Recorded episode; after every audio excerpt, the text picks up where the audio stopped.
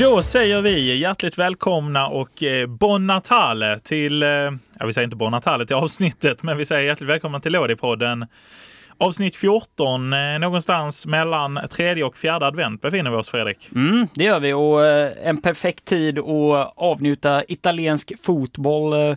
Jag har för övrigt plöjt igenom den här fina Gomorra-serien med eh, Roberto, eller med, det är, han som, eh, det är väl han som är involverad i böckerna, Roberto Savastano där, Ja, som det. eh, säsong tre har kommit till nu här. Så, så här är det riktigt fint. Har du, har du kikat något? polisskydd dygnet runt va? Han Ja. som har skrivit böckerna. Ja, så är det ju. Eh, Så han, han har nog en jättetrevlig vardag. Däremot en, en riktig en riktig toppenserie så Mm. sett. Ska jag säga att jag varken sett serien eller läst böckerna, men fingrat på böckerna. De ligger ju Mm. där hemma, men har inte riktigt eh, satt mig in i dem, men eh, får göra det. Nej men det är fint när man eh, saknar Italien lite så här i juletid Ja. så får man de här vackra vyerna och ja. De här, ett- Elena Ferrenta har ju också skrivit böcker därifrån Italien. Den här Så är det. Neapel Svit. Jag vet att Just min kära moder har ju läst dem och sagt att de var väldigt bra. Så det är Mm. kanske också någon som man får sätta tänderna i över jul. lite så här julklappstips nu som vi kan Ja, inleda precis. med här Vi har inte lite. själva just läst de här rackarna. men däremot DVD-boxen Så länge Gomorra kan vi kanske Så länge, ja, så länge det är från Italien är det bra. Även kommissarie Montalbano, klassikern som gick där på, på SVT för många år sedan. Den är en riktig... Oh, riktig klassiker. Ja. Han går där på stranden och har sig. Ja, det, är fint. det är också just i, eh, eh, på Sicilien och eh, det är Ja. väl där vi tar lite avstamp idag. Ja, vanligt. och det är ju julens tid och då Mm. sker under. Och så har även skett på Sicilien den här eh, veckan eller den här helgen som gick. För eh, Catania, de har kryssat. Ja, Catania har kryssat borta mot Teramo, ett, eh, en match som slutade 1-1. Och eh, med det så har eh, käre Lucarelli alltså för första gången spelat lika då. Eh, något som är extremt unikt för eh, Catania. Ja, men precis. Ja, han har väl spelat lika någon gång innan Lucarelli, va? men det är väldigt sällan som, eh, Ja, det är sällan. som det är sker. ju sällan. och Det är- framförallt under hans föregångare Camplone så skedde det aldrig. Eh, Lucarelli hade väl någon gång när han slutade vinna och började kryssa, men eh, nej, det här är ju otroligt med ett kryss Mm. den här gången. Och eh, Ja, det blev vi glada för hans eh, skull, för nu höll jag på att tappa micken här, så jag skrek rätt ut i luften. Men eh, ja, det är sånt Nej, som men händer. som sagt parkerar där på en, på en sjunde plats Catania och fortsatt avsaknad av vår käre Lodi i truppen. Jag vet inte riktigt, han har verkar hamnat på helt fel fot där med, med Lucarelli. kan ju också vara en skada han dras med. Det är ju det vi inte riktigt sitter inne på den infon eftersom att eh, det är bristfällig information som alltid från Calcio Catania. Det är ju en stökig klubb just nu. Det är det. Som vi Det är det. återkommit till många gånger på slutet. Vi kan väl med det också säga att eh, den här eh, den här formen, eller man ska säga den här inspirationen laget gick på efter Le Monaco-incidenten där, så den verkar ju helt ha stannat av nu efter och Ja. först en förlust där mot Paganese och nu ett kryss här så att ja, Aj, aj, aj. Le Monaco får, får komma in igen i omklädningsrummet och köta, Ja. eller i alla fall att Lucarelli tar Får upp sig en det. smäll igen. Ja, det, ja, Nej. nej, Nej, nej, men, men- ja, Men Lucarelli får väl eh, ta upp det här. Ja. Den gode Cristiano. känns som han har bra pondus där i omklädningsrummet. Oj vad han har. Den, eh, ja. Har man stått i kurvan i Livorno så har man ofta bra pondus känns det som. Ja men verkligen, det, det är ju, på tal om fina kurvor i Italien så är ju det en av de absolut vackraste. Oh ja, ja men det är det.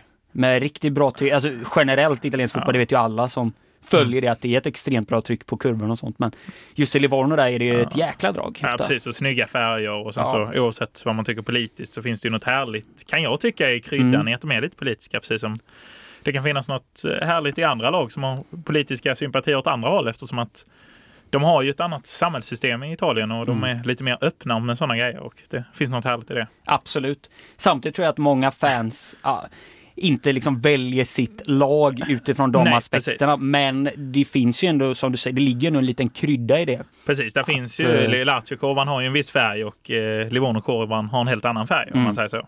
Eh, Och det blir då en extra friktion när de lagen möts. Mm. För matcher som annars kanske inte hade haft någon, precis. på något sätt, eh, innebörd av någon form av derby. Så de blir väldigt heta och intressanta. Även om Livorno skulle vara uppe i Serie A ligga på en 14 plats och Lazio var på en tredje plats. Ja, ja. Eller till exempel Livorno-Hellas som ju har skett genom historien. Ja, och den har skett mycket det senaste nu i och med att eh, Hellas varit ner och Livorno varit uppe Ja, i. Serie B. Precis, och eh, det är väl Serie B vi tänker att vi ska vända oss till. För Serie C, alla som vill ha en liten julsummering kring den, den får ni hålla på för den Mm. kommer i eh, mellandagarna sådär.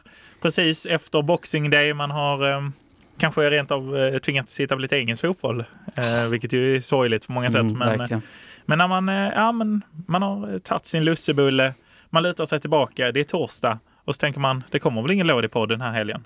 Eller den här veckan. Men. Plötsligt så händer det. ja, Och det är lite, man kan väl lite säga att det blir en, en sen julklapp helt enkelt som ramlar in där på torsdags eftermiddagen. Precis så. Eh, Det är väl det som är vår tanke med det hela. Mm. Eh, Och, eh, då, då blir det stora Serie C-genomgången. Men vi kastar oss över Serie B istället och vi har ju Ja. lovat julgenomgång och den kommer här nu och då tänker vi väl oss ett litet upplägg att det finns ju alltid en tabell, ett lag som toppar tabellen och ett lag som ja, ligger sist.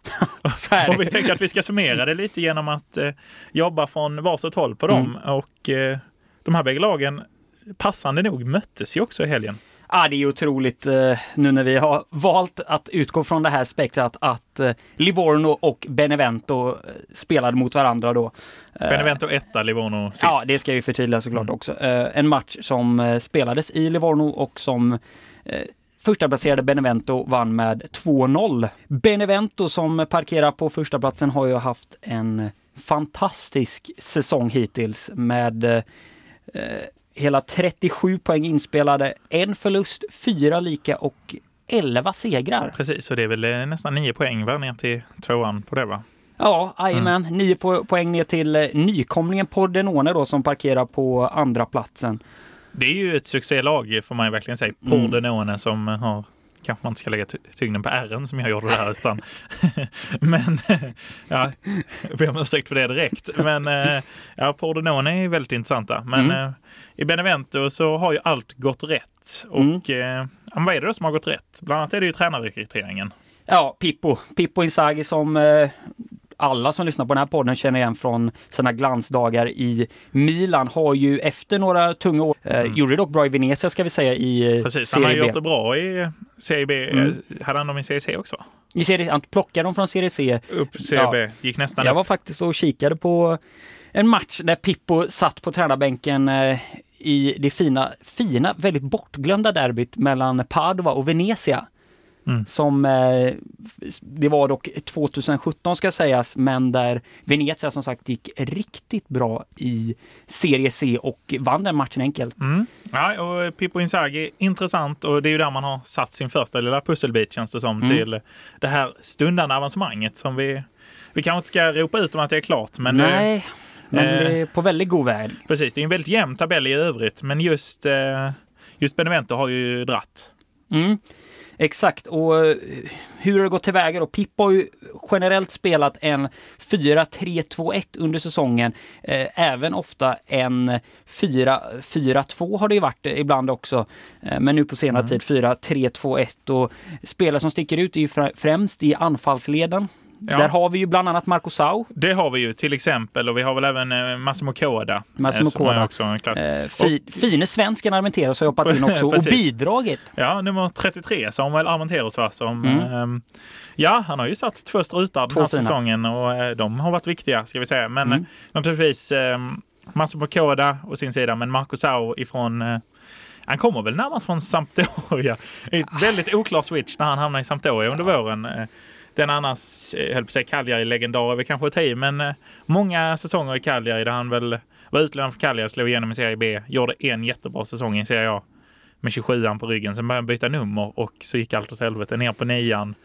Försökte sen gå till 25an för 27an var helt plötsligt upptagen. Och nu har han väl fastnat på nummer 25 tror jag. Han, han har lite otur den stackaren. Ja, och Marco det, det är ju inte första gången vi ser en sån spelare hamna i just Sampdoria. Vi har ju sett Nej. eh, till exempel Duvan Zapata och nu, nu springer ju Gabbiadini där, eh, runt där framme också. Eh, Ja. Men ja, har verkligen fått en nytändning här i Benevento. Fast och, just Gabbiadini var just, det var ju därför det blev så konstigt eftersom man redan hade Defrell, Quagliarella och Gabbiadini. Och då plussar man på Sau som ju uppenbart är en något sämre fotbollsspelare idag än vad Mm. Gabbiadini är till exempel. Eh, och även absolut Quagliarella och Defrell.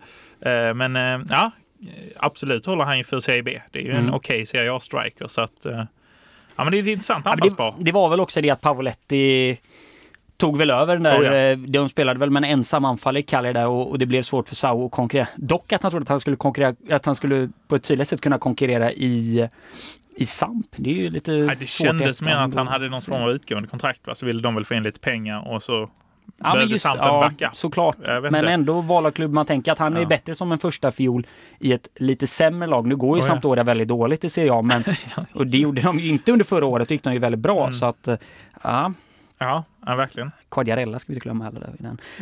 Nej, han var ju i skytteligan också den Ja, säsongen. exakt. Eh, Fin säsong för hans del. Ja. Mittfältet för Benevento, där har vi bland annat fine gamle Kiev-finnen Preparim Hetemaj. Ja, han gillar man ju på något sätt. Eh, Det är många av de gamla Kevo-lirarna man gillar. Det har vi haft uppe och diskuterat tidigare. Men eh, just Hettemaj har ju varit med många gånger. Eh, Eller varit med många gånger. Varit med länge ska jag säga. Inte många gånger. eh, I Kevo. Och eh, ja, alltid en stabil mittfältare. Tror väl att det fortsätter han säkert vara. Ja, han har väl någon bror också, har inte det? Jo, så kan det säkerligen vara. Som han också för mig var snurrade i italiensk fotboll, men det, Ja, det lämnar vi därhän. det lämnar vi därhän på Hettemaj.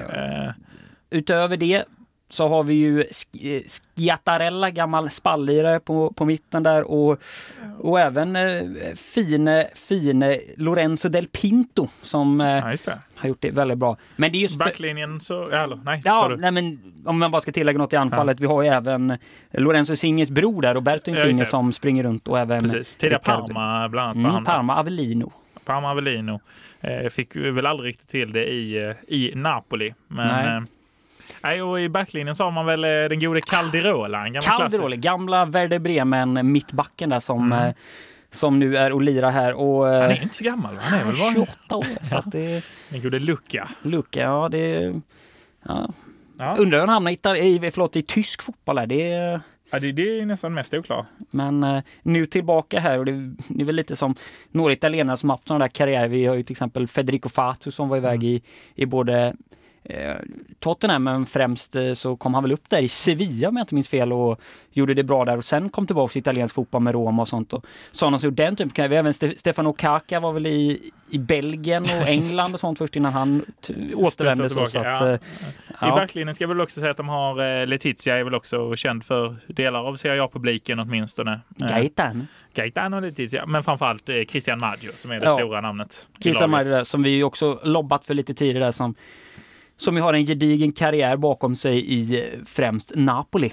Precis, eh, och landslaget också. Han har väl bland Mm. annat ett EM-silver på meritlistan där. Fin han var ju runt där 2012. Ja. Det Napoli-laget också. Nu ska Ja. vi inte... Mats Arris eh, Ja, Napoli det där. var... Ja, de var ruggiga. De var ruggiga var de verkligen med Mm. Lavezzi och boysen där. Målvaktspositionen lite mer otydligt där. Vi har Lorenzo Montipo som har stått Ja. Eh, 15 matcher den här säsongen som backup till honom har vi en eh, grabb som heter Nicola, Nicolo Manfredini. Eh, grabb och grabb, han är 31 år men eh, vi har ingen superkoll på honom så att eh, främst ligger det nog i Pippa här och det är väl en coach som Mm. du var inne på där är han är bättre helt enkelt i en lägre Ja, division. precis. men han, är- han är väl bra som tränare för topplag helt enkelt. Det såg vi i Bologna att det var svårt när det väl började gå dåligt för honom. Och, och få vändning på skutan, ursäkta. Eh, och, eh, nej, men, eh, så det tror jag kan vara en stor anledning till att det går bättre för han, för han här. Men, och som vi sett tidigare i Venezia, att när man just är topplag, att det funkar bra för honom. Sen så är det ju en spännande. Han är ju en ung tränare, så han fortsätter ju utvecklas precis som spelarna. Mm. Sen är det ett bra material naturligtvis. Med, det garanterar ju någon form av lägstanivå med de här eh, Skittarella och Sao och Koda och gänget. Och även eh, Tello på vänster mittfältet. Ja men absolut. Så för Beneventos del ser det ju väldigt fint ut. jag, jag tycker bara vi kan tillägga det i toppsidan att inför säsongen så kanske man på förhand hade en tro om att Kievo eller Frosinone eh, Precis. skulle utmana och eh, Frosinone har ju verkligen hängt med i alla fall. De ligger på en eh, tredje plats med 26 poäng, två poäng bakom Pordenone. Kievo sin sida är ju inte långt efter ska man säga. Nej, det ska man inte. 24, Bakom 24 poäng på Citadella, 7. Det är ju Mm. som vi varit inne på under hela den här hösten att det är ju en, eh, det är en, det är en väldigt jämn Serie B i år. Precis, eh, bakom Citadella och eh, Ascoli Empoli däremot, ja också. 13 plats men bara 21 poäng. Då är man alltså tre bakom Kievo där så att de tar Ja. verkligen poäng av varandra de här lagen och Ja. det är väldigt svårt att säga just nu. Ja, eh, som vi lite skämtsamt har sagt hela säsongen att det är väldigt jämnt i, och det sker liksom knappt några förändringar. Och det är väl lite det som är känslan hela tiden. Sen naturligtvis så är det ju, eh, som vi sa, favoriterna Kiev och Frossarna. Liksom, kanske hade ju varit mer, men äh, kul med Benevento att häxorna flyger igen och att de kanske flyger högre än åsnorna just den här säsongen i varje fall. Kul om det blir en sån här comeback för Brignoli nu som kanske han får flyga högt på en hörna igen, vem vet? Ja, precis. Ja, kul om han hade återvänt till sitt till sitt kära Benevento. Ska det får man ändå säga. Får man ändå säga. Ja, så vet jag inte om kära Benevento ja, är just... Det, det beror väl lite på om Empoli, om de fixar det då. Det är det han mm. huserar mm. nu den. På andra sidan spektrat, tredje event har varit och vi har en viss tränare som fortsatt sitter där på tränarbänken. Ja, men han gör ju det. Roberto Breda, mannen som inte kan sparkas. Eh, 11 poäng har han nu plockat och eh, det har gått en jäkla massa omgångar i serie C. Ja, och för, Livor, för Livorno ska också säga såklart då. Mm. För Livorno naturligtvis. Som är jumbo i Precis. Serie B. Och det är väl lite det som är vår tanke att eh, ja, fotbollen är ju två spektra. Vi har Benevento där allt klaffar, man sätter rätt tränare, man sätter rätt värvningar. Sen på andra sidan så ja, men då är det ett Livorno som inte får rätt på någonting och som känner sig helt handlingsförlamad och inte har lyckats lyckas inte ens sparka sin tränare just nu som man har investerat eh, tid och pengar i och kärlek i. Och, ja, men om man ska dra det laget lite snabbt så eh, Plitzari i mål vet jag inte riktigt. Har du så mycket på Plitzan? Nej det, är, Nej, det är för mig en anonym lirare där. Eh, Precis. Bogdan... 19 år är ja, det också, så det är väl precis. inte så konstigt där. Nej, det är väl en ny satsning de har Däremot, gjort. Däremot eh, Lukasima, eh, som ju stått 12 matcher, Tjeckien mm. där, han har ju fått, fått, ja, fått gå tillbaka där. Han har ju stått många matcher tidigare, men mm. han, han sitter nu på bänken då mm. efter, efter några minst sagt svaga insatser för sitt Livorno. Ja men verkligen. Och det är en trebackslinje som gäller för det här laget eh, oftast. Eh, och kanske backlinjen Bogdan, Gonelli, Gasparo.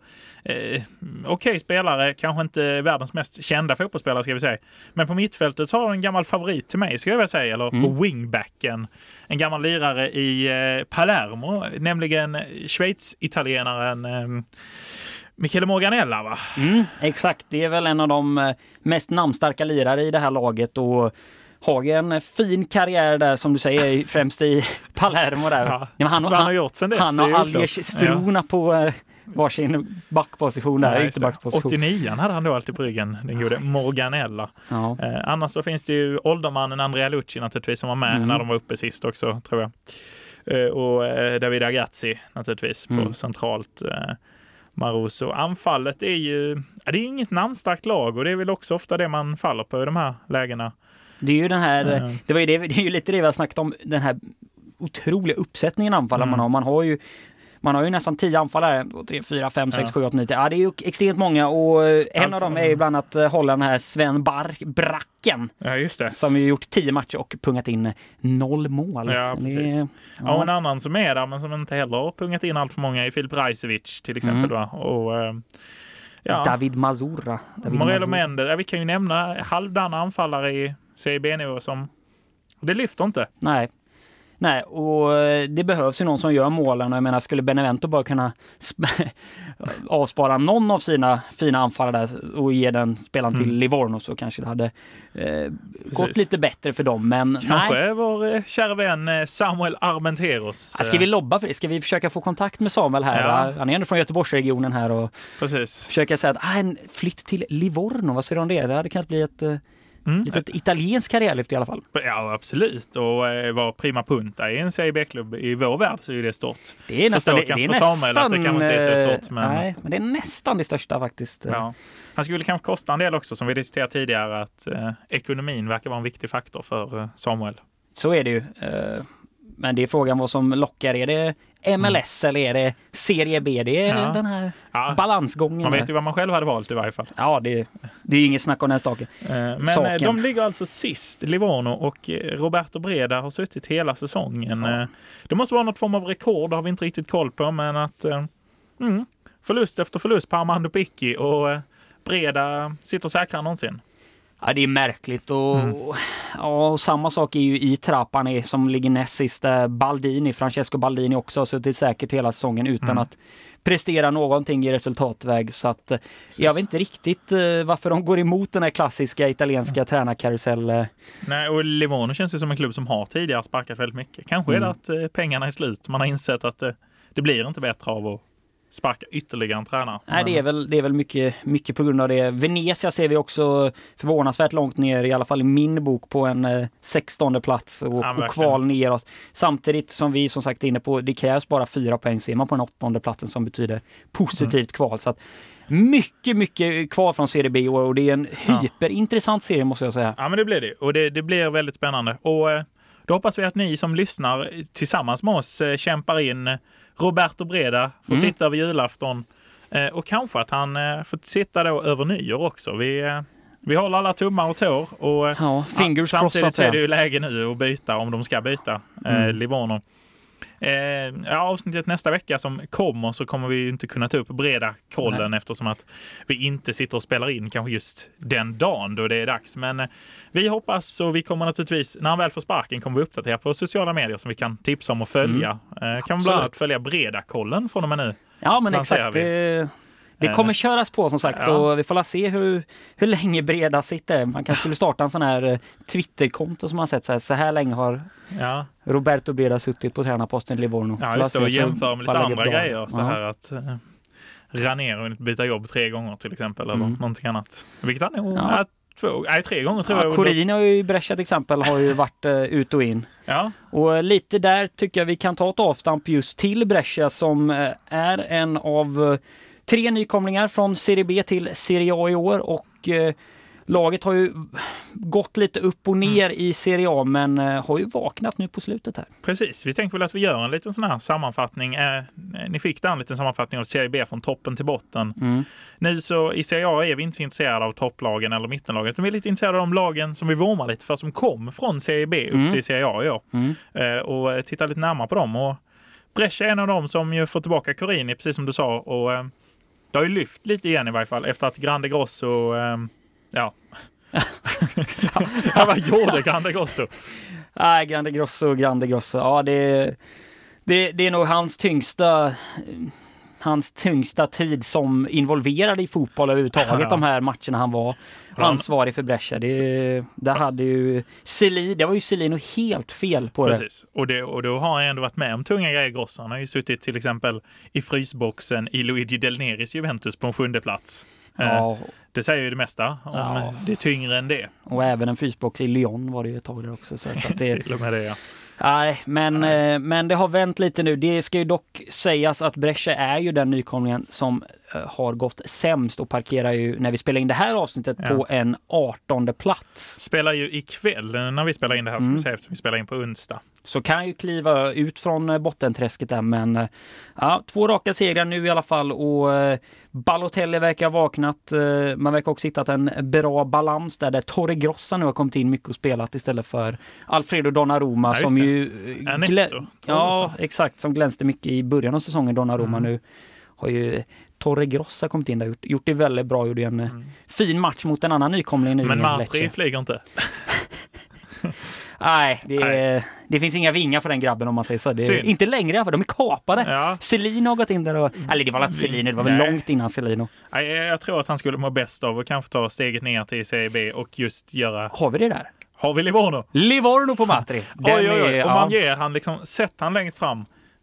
Sen så har han ju, han har ju för mycket muskler. Han ska ju bli lättare i kroppen så han har mer Mm. djupledsspel i sig. Så fan Matri, det är ju någon gammal målskytt i Cagliari liksom. Ja, han skulle ju kanske få dem att flyga lite i alla fall och i alla fall få dem att flyga bort från den där eh, jumbo-positionen i Serie B. Eh, Men Brescia i alla fall har ju i alla fall börjat gå lite bättre. Det är Mm. väldigt svårt tycker jag att säga om hur det kommer att sluta det här. Det är, det är, det är en Mercato nu på ingång och eh, jag tror att man bör sikta in sig på att värva i alla fall någon ny mittback. Där har det sett Ja. väldigt skakigt ut. Ja, Sistana håller väl ändå hyfsat va? Mm. Men eh, i övrigt så är det en backlinje som kanske inte... Ja, Chancellor har ju inte varit någon vidare. Han Nej. har ju gjort lite, lite framåt i alla fall så sett. Men Gastadello alldeles för gammal. Mm. Och, och de här Mangraviti och Magnani, de har inte varit riktigt i Serie A-klass ännu i alla Nej. fall ska sägas. Det är ändå goa lirare de har. Det, Ja, det är det. Man gillar ju Brescia på grund av det.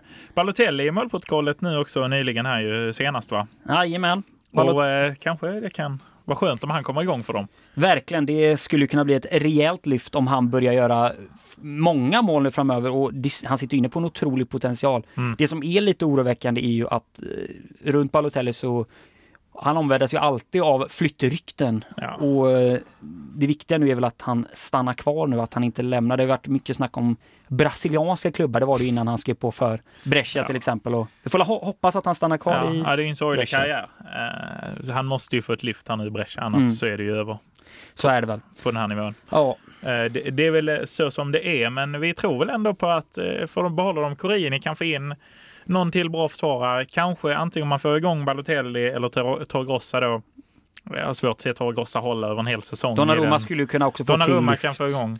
Eller att man plockar in en, eh, någon bra striker. Något, Mm. eh, Och även mittfältet, ska säga. Tonal har ju varit väldigt bra. Romulo har också varit väldigt Ja. bra. Ska, men det är eh, ju där de har styrkan i det- Tonali och gänget. så, så de grabbarna har varit bra. Samtidigt där skulle också kunna, det skulle kunna komma in en riktigt bra defensiv mittfältare som Ja. Hade sen. Eh, som verkligen stänger till Mm. där. Det hade, hade laget mått väldigt bra. Ja. En DDR kanske Precis. på hemmarsch, vem vet? Precis. Men eh, det är ju Corini man får eh, lita till här, för vi såg Mm. ju hur svårt det var. Grosso var inne där och snurrade och det gick ju inget vidare. Och det är nog eh, Corinis fotboll man får tro på där. Ja. Eh, ska nog inte in och snurra med resten. Jag vet inte, Iacchini kanske? är han ledig? Ja. Han är väl ledig men Ja. eh, Nej, jag tror eh, nu får man nog hålla i Corini ett tag Mm. här. Nej, men jag, jag håller med dig där. Det är, Mm. det är nog bäst att man gör så för att eh, nu har han börjat prestera lite här och eh, ja, Mm. känns som att han känner, känner till spelargruppen väldigt väl. Något som är väldigt viktigt. Men ska vi ta oss till en man som du uppskattar, du tycker om honom, du gillar att nämna hans namn, även när du egentligen tänker på Lucarelli. Vi snackar naturligtvis om eh, vår kära vän, Liveradi. just det, tränaren för Lecce. Ja, det är underbart att vi äntligen får prata om den här mannen. Den gamla fina frisparksspecialisten där. Ja, det, är, ja, det, det är en tränare man verkligen gillar och Mm. varje gång man ser honom när man kollar en match med, Les- med Leicester. Med Leicester.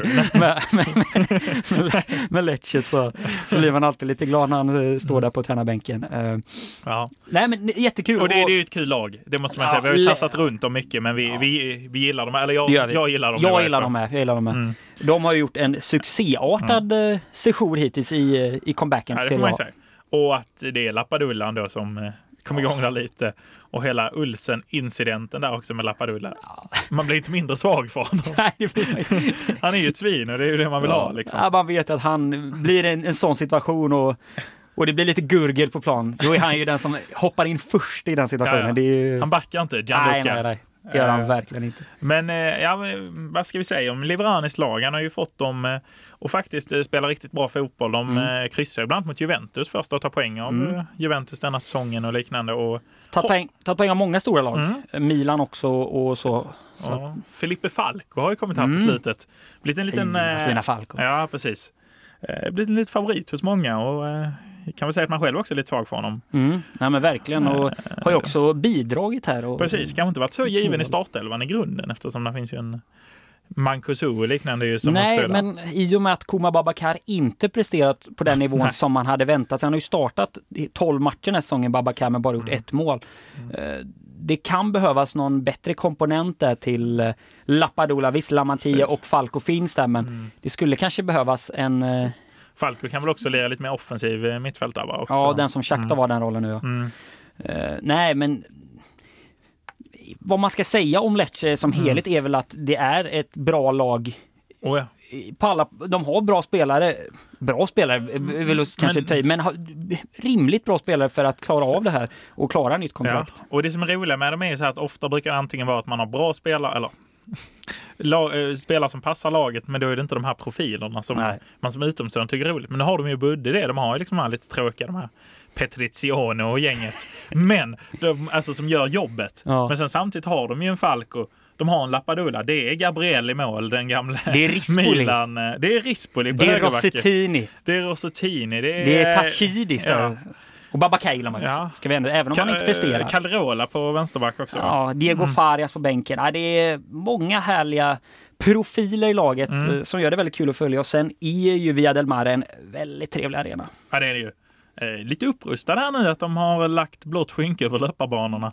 Förr eh, när det var sändningar därifrån så var det ju att man fick se den här gropiga löparbanan, den här icke lagade löparbanan och så här igensoggade och Den suggande. har ju lite något när bollen liksom rullar ut där och den får liksom studsa lite på Ja, gruset precis. och nästan stanna upp och spelaren får Ja, gå ner i gropen där. Men, ja ja, men man... eh, Nej. det blir väldigt spännande att se och de har ju goda chanser att hänga kvar känns Mm. det som nu. Det är ju det finns ju sämre lag i ligan, till exempel kanske just Brescia just nu. Absolut, det håller jag med Och om. Genoa till exempel. Vad har vi under strecket just Ja, nu? just nu under strecket har vi ju Brescia på en 18 plats, vi har eh, Genoa på en 19 plats och så har vi ju Spal på jumboplatsen där. Ja, Spall luktar ju serie. Ja, det luktar ju uttåg nu det för gäller ju Spal. att få igång Petagna där framme. Eh, Det som talar emot Lecce lite är ju att exempelvis vår andra nykomling, eh, vår tredje nykomling ska sägas, Hellas Verona har gått så pass bra. Mm. Ja, så det, det är ju det som är. Och att det är lite skulle- stora lag där nere nu, Sampdoria och Udinese till exempel, som ofta Precis, klarar och. Genua också. Ja, brukar alltid exakt. på något mirakulöst sätt. Men nu ser det ju dock tungt ut för Thiago Motta efter förlusten där mot eh, Ranieris Sam. Ja, exakt. Och där vi har lag i Serie A nu Mm. som många förväntade sig i botten, till exempel Parma, Cagliari och, och liknande. Och Bologna som Mm. ändå har gått väldigt bra och att det är lite upp och nervänt till viss del. Det beror på hur man ser på Precis. Tabellen och hur man uh, utvärderar det inför. Men det är ju någonting som kan tala lite mot Lecce. Samtidigt, Mm. de är bra mot de bästa. Mm. Det är viktigt att komma ihåg. viktigt, Absolut. Och eh, som du sa där ju. Eh, det är ju en annan nykomling som har gjort det bra. Ja. Och på den tränarbänken sitter ju den Ja, är- tränaren som man kanske tänker att Genoa skulle vilja plocka in i det här Ja, läget. Han har ju exakt. tränat dem 50-11 gånger. Ja, och det är en gubbe du brukar också nämna lite. Till, främst i begynnelsen av Lådepodden var det mycket den här mannen. Ja, mycket den här mannen. Jag jobbar både han och eh, Davide Nicola ofta. Men det är inte Davide Nicola vi syftar på här när han är arbetslös för tillfället. Utan det är ju... Eh, Han borde plocka in och köra ja. Serie B. Alltså. ja, jag gillar ju David Nicola. Jag tänker att Spall kanske ska ringa honom som står om de kör hela vägen in med Semplici där. Men, eh, Ja, ring. Ja, men eh, i varje fall, vi snackade naturligtvis om Ivan Juric. Mm. Eh, 3-4-3-mannen, eh, Gasperinis lärjunge. Mm. Eh, fick det aldrig riktigt funka i, eh, i Genua. Lyckades därmed ta upp Crotone en gång i tiden ju. Eh, bejublad insats. Mm. Eh, men eh, det flyger ju på riktigt. Och jag har svårt Ja. att sätta fingret på vad det är. Nej, det är, det är extremt svårt att sätta fingret på det. Det är väldigt mycket så kallade föredettingar som gör laget Ja, och verkligen. att de här spelarna skulle flyga på det här sättet, det, det hade väl nog ingen förväntat sig. Och dessutom är den mest namnkunniga spelaren på bänken i stort sett hela säsongen, nämligen eh, Pazza Patini, som visserligen hoppade in här och gjorde mål i helgen, men eh, Nej, en galen 3-3 match där mot Torino som han alltså hämtade upp från 0-3 till 3-3. Ja. Klassisk Juric. Klassisk Juris. Eh, Men som sagt, det finns eh, många intressanta gubbar i det här laget också såklart. Spelare som kanske inte är där, som kanske inte liksom platsar för den högsta toppen i Serie A, men som absolut på en sån här nivå gör sig bra. Samtidigt att det skulle gå så här bra. Det är lite, lite oväntat. Ja, Marco ju- Silvestri i mål. Precis. Marcus Silvestri i mål eh, har ju, satt var ju med där även för två säsonger sedan så eh, satt han på bänken i Serie A bakom den eh, förfärligt dåliga målvakten Nicolas som eh, stod i mål då. De här brassarna, om man ska vara lite generaliserande, med många av de här Nicolas, Gabriel, Ja. vi har ju även Rafael i Cagliari. De Som också var i Hellas ju, Ja, Rafael. exakt. Och Nicolas var ju backup till han.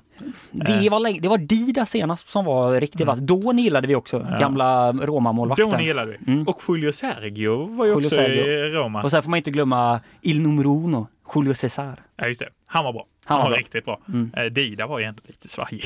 Han Så, var... ja. Abiati var ju bättre. Ja. Gillar Kul när Dida. de switchade där, för att Abiati var ju alltid skadad, så Dida stod ändå. Liksom. Han fick all... Det var han och han, eh, hette inte han, han var också någon sån här Lu- Lukac eller vad hette han nu igen? Eh, Han var ju australiensare med, med Balkan efternamn. Oh. Nej, det Nej, lämnar vi det här. Det Men han, han, han var också inne och, och Ja. stod lite här och var. Det brukar ofta vara så i Italien att man justerar på. Men Silvestri i mål. Mm. Eh, där är väl en backlinje som formeras eh, lite? Ja, med Koray Günther bland annat, tysken. Kumbula har vi också där, albanen. Och även Ramani, en annan alban där i eh, eh, backlinjen, förlåt, Kosovo kommer han ifrån. Däremot så sitter den största backprofilen på bänken, nämligen Salvatore Boschetti. Mm, just det. Gamla klassiska. Gamla klassiker, Mm, känner väl till från eh, Genua bland annat. Precis. Eh, Eh, och Bianchetti har man ju också annars tänkt ofta har varit en, en bärande del i det här försvaret. Eh, framförallt när Helander var ju där och snurrade och Vangelis Moras och gänget. Men Mm. Det, har- det har skett lite förändringar där i backlinjen. Lite föryngring och lite nytt. Eller föryngring vet jag inte, men nytt. Nytt i alla fall och spelare som ändå är hungriga och på väg Mm. uppåt. Så att, eh, ja, Ja, ett, ett fräscht... eh, Inte sådär jättekända namn ska vi väl säga utan Nej. att hänga ut någonting på det sättet. Nej, Eh, men, men eh, fräscht ska jag säga. Väldigt Eh, fräscht. mittfältet däremot, där har vi ju bland annat eh, några riktiga profiler. Darko Lazovic, gamla Genoa-gubben. Miguel Veloso, gamla Genoa-gubben. Man märker ju ett tema här på Ja. hur Djuric rekryterat. Eh, sen har vi även eh, Nordin Amrabat, eh, gamla Wasp Klassiska, det, fina, fina. Hans bror Sofjan Amrabat eh, huserar till dig Fein och bland annat. Eh, Mm. Och även fina, som du vet jag uppskattar lite, Davide Faroni. Ja, just det. Davide Faraoni, ja, han är god.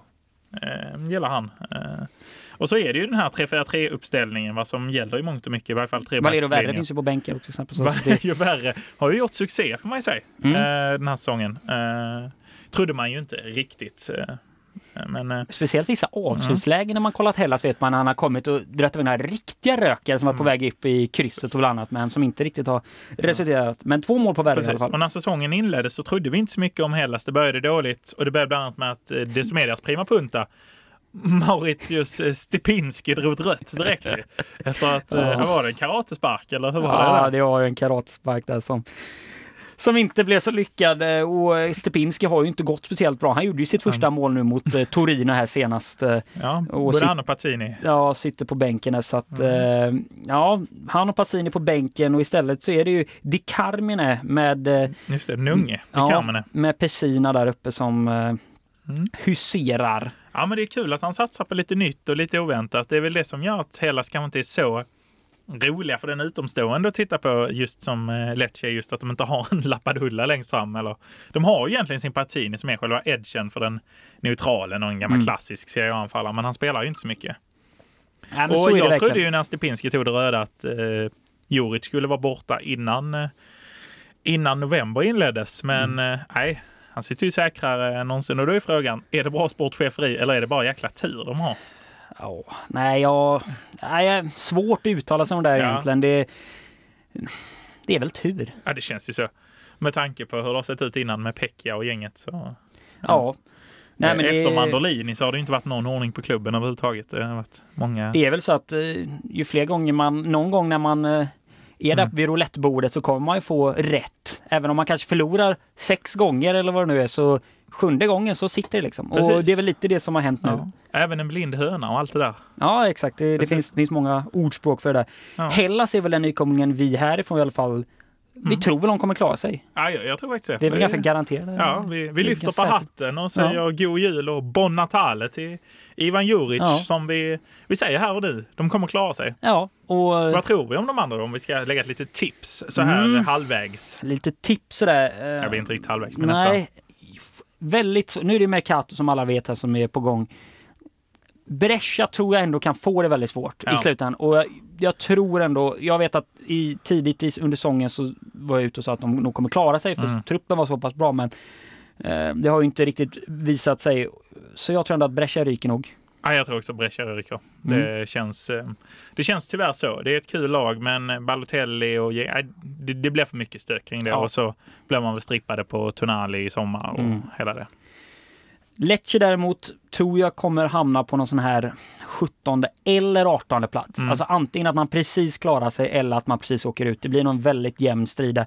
Troligtvis med Genoa då, som Precis. de kommer fightas med ända in. Och där känns det väl lite som att om de vågar hålla kvar i Livrani så kan det nog gå vägen. Mm. Börjar de peta på han så kan det nog bli problem. Jag sa ju här precis innan avsnittet, pratade med mig själv att Corini ska man låta sitta där nu. Mm. Men skulle resultaten eh, börja falla igen, har de ju börjat gå uppåt igen, så får man nog kanske plocka in någonting där. Och Beppe Iacchini som alltid, han är ju en gammal fin räddare i botten och eh, det är de tränarna vi gillar.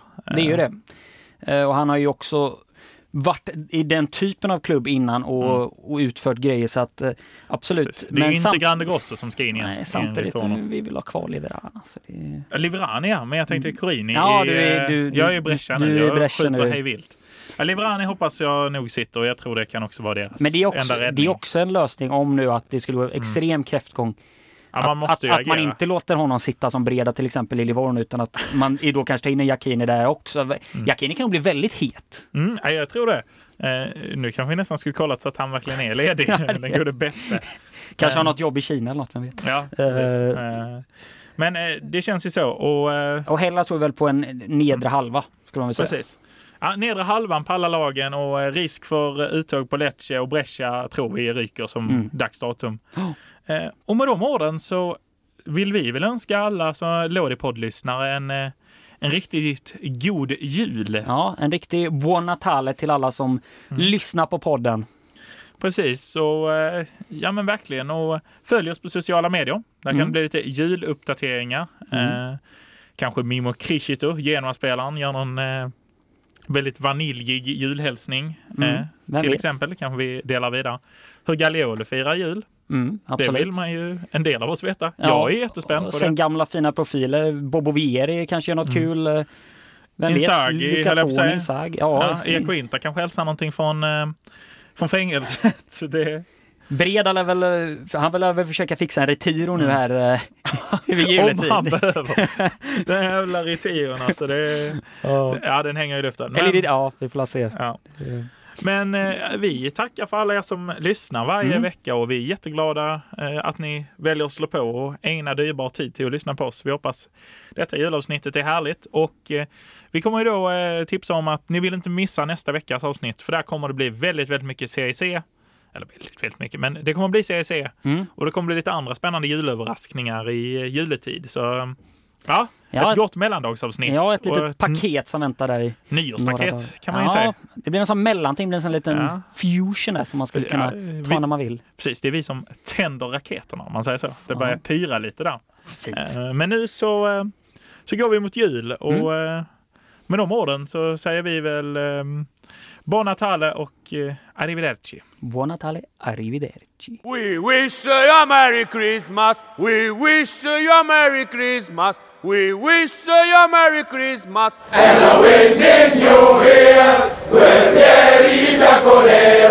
campioni con grande stile, vincenti fino alla fine e auguri anche a voi, insieme fino alla fine, insieme siamo bianconeri, insieme a tutto il mondo e insieme anche a voi.